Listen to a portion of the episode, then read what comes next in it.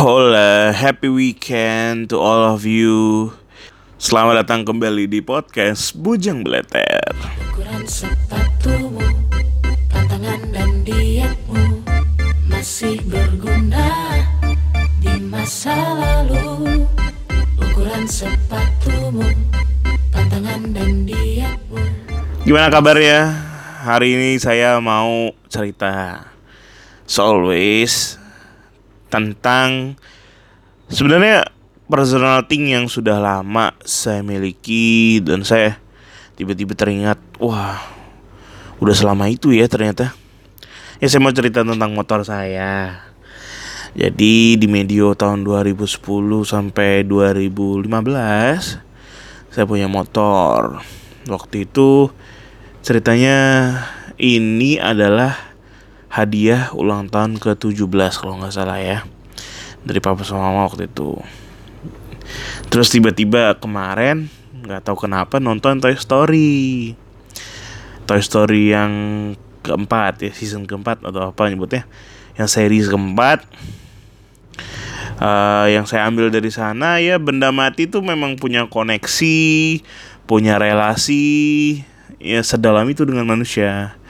Bagaimana lihat Andy ke, perlakuannya kepada seluruh mainannya membuat saya berpikir eh, kita tuh kayak sebagai manusia tuh punya tafsir cinta yang abstrak abstrak memang. Bisa dideskripsikan se- secara universal dan sangat beyond lah dari yang kita kira. Maksudnya bisa muncul bisa tumbuh terhadap apa pun. Salah satunya ya cerita ini. Bagaimana saya dapetin motor bajai pulsar 135 LS warna hitam. Jadi waktu itu ingat banget eh, waktu itu ulang tahun 17 saya hari-hari itu dari kelas berapa ya? Kelas 1 SMA itu nebeng. Nebeng per- pergi diantar pulang nebeng. Kelas 2 boleh naik motor cuma motornya dulu adalah Shogun nah something gitulah. Punya Shogun karena udah ngerasa badan lebih besar dari motor ibaratnya kalau motor nabrak badan saya motornya hancur. Jadi saya siasatin dengan kayaknya harus ganti bukan ganti motor ya harus ganti ban. Jadi bannya saya bikin agak gede. Harusnya ban motor sport saya taruh. Cuma ya resikonya adalah motor jadi nggak lincah. Ibaratnya motor Shogun dikasih ban motor besar lah kayak Tiger Fiction atau Mega Pro something else yang itu terus kan jadi tinggi banget kan. Sebagai saya sih enak. Cuman sulit diajak ngebut aja jadi waktu itu ke ulang tahun ke-17 saya minta izin sama bapak gimana kalau kita beli motor baru. Waktu itu proposalnya ya udahlah motor apa pun yang penting motor besar pakai kopling ada tangki dan kenceng. Nggak 125 nggak 125 intinya. Terus saya ketemu brosur waktu itu di entah di mana gitu ya. Entah di lampu merah. Orang bagi-bagi bros brosur udahlah saya tunjukin ini aja nih. Murah. Harganya nggak begitu mahal. Dibandingkan motor besar yang lainnya. Harganya termasuk yang paling affordable dari yang lainnya. Terus kebetulan lihat kan oh showroomnya. Oh showroomnya papa kenal nih. Untuk bapak saya kan karena showroom itu ternyata dulunya adalah showroom Vespa Piaggio segitulah kebetulan temannya papa saya. Terus pergi masih ingat banget loh. Boleh cobain yang mana aja cuman kata papa kita udah tahu pasti beli yang mana kan? Tapi cobain aja nggak apa-apa. Yaudah kita beli satu GMLS papa pulang naik mobil saya pakai itu tuh memang deg-degan karena nggak ada surat apa nggak ada apa yang penting bisa nyala dulu kan. Yaudah saya pulang tuh nyala saya bersihin. Malamnya saya bawa jalan dan malam itu bikin saya wah ini sih akan jadi tunggangan seumur hidup saya sih. Sampai kapan pun atau sampai dia nggak bisa itu. Ya perasaan pertama gitu sih nggak tahu kenapa keluar perasaan itu Eh, terus hari ketemu hari lagi surat-suratnya resmi udah itu. Platnya saya masih ingat KB 2831 KL 28 tuh ulang tahunnya An 31 ulang tahun saya. KL itu nggak tahu ya dapat dari mana. Intinya ya gitu seneng pakai laptop eh pakai laptop pakai bajai pulsar ini. Terus adalah ide muncul nih namanya apa ya? Kayak namanya pipen lah karena bentuknya hitam gitu kan. Ada li ada sebenarnya saya pengen yang merah. Cuman bapak kan bapak kan orang ortodok ya. Lebih baik hitam kata dia. Ya udahlah nggak apa-apa. Hitam tapi saya bayangkan dia pakai jersinya Chicago Bulls. Namanya nomor 33 ya Scottie Pippen. Jadi saya namain Pippen. Pippen ini ya, motor dengan segala propos buat ngebut bisa. Buat en buat digonceng enak-enak juga bisa. Buat ngurat perempuan juga bisa. Jadi paling jago lah motor ini dan paling nyaman dikendarain saya tuh dulu tuh sama Pippen tuh ritual paling menyenangkan tuh sebenarnya ada dua. Yang pertama saya dulu masih punya iPod tuh iPod generasi kedua apa generasi pertama tuh yang masih di kalau gedein volumenya di scroll gitu. Nah saya tuh sering bareng Pippen gitu kan keliling Pontianak putar lagu kenceng-kenceng pakai masker tutup gitu kan terus itu tuh ter- tergantung mood sekali. Kalau lagi senang ya senang kalau lagi sedih kadang ya memang sedih banget sampai harus berair-air mata Nah, itu yang bikin saya punya ikatan batin lah sama Pipan sampai akhirnya saya harus kuliah ke Bandung kan. Di 2012 saya harus ke Bandung. Nah, walaupun pindah ke Bandung, tapi saya lebih lebih sering pulang lah waktu itu. Setahun bisa 3 4 kali.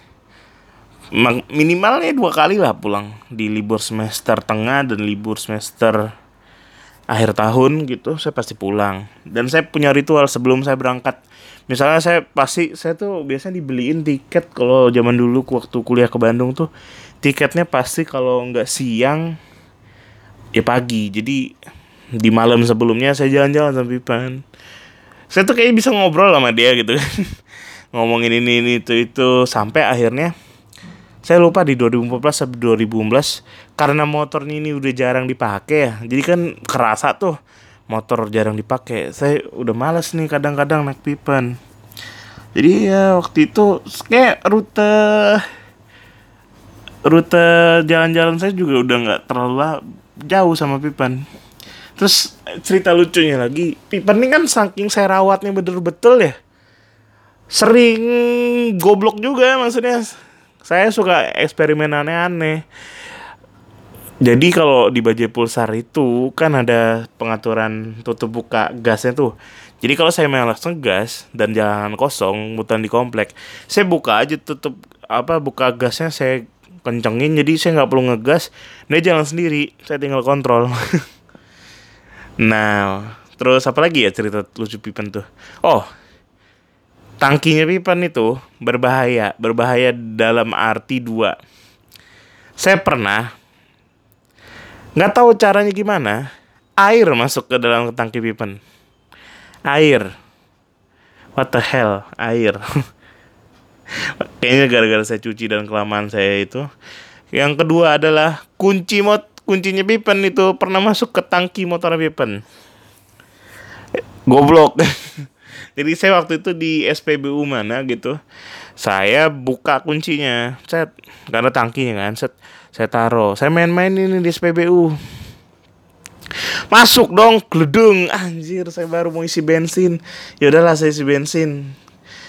Dorongan dari bensin itu bikin si kunci makin masuk masuk masuk masuk ke dalam. ya udah, waktu itu tangkinya dibongkar lah. Tahu udah baru mahal gitu kayak gitu.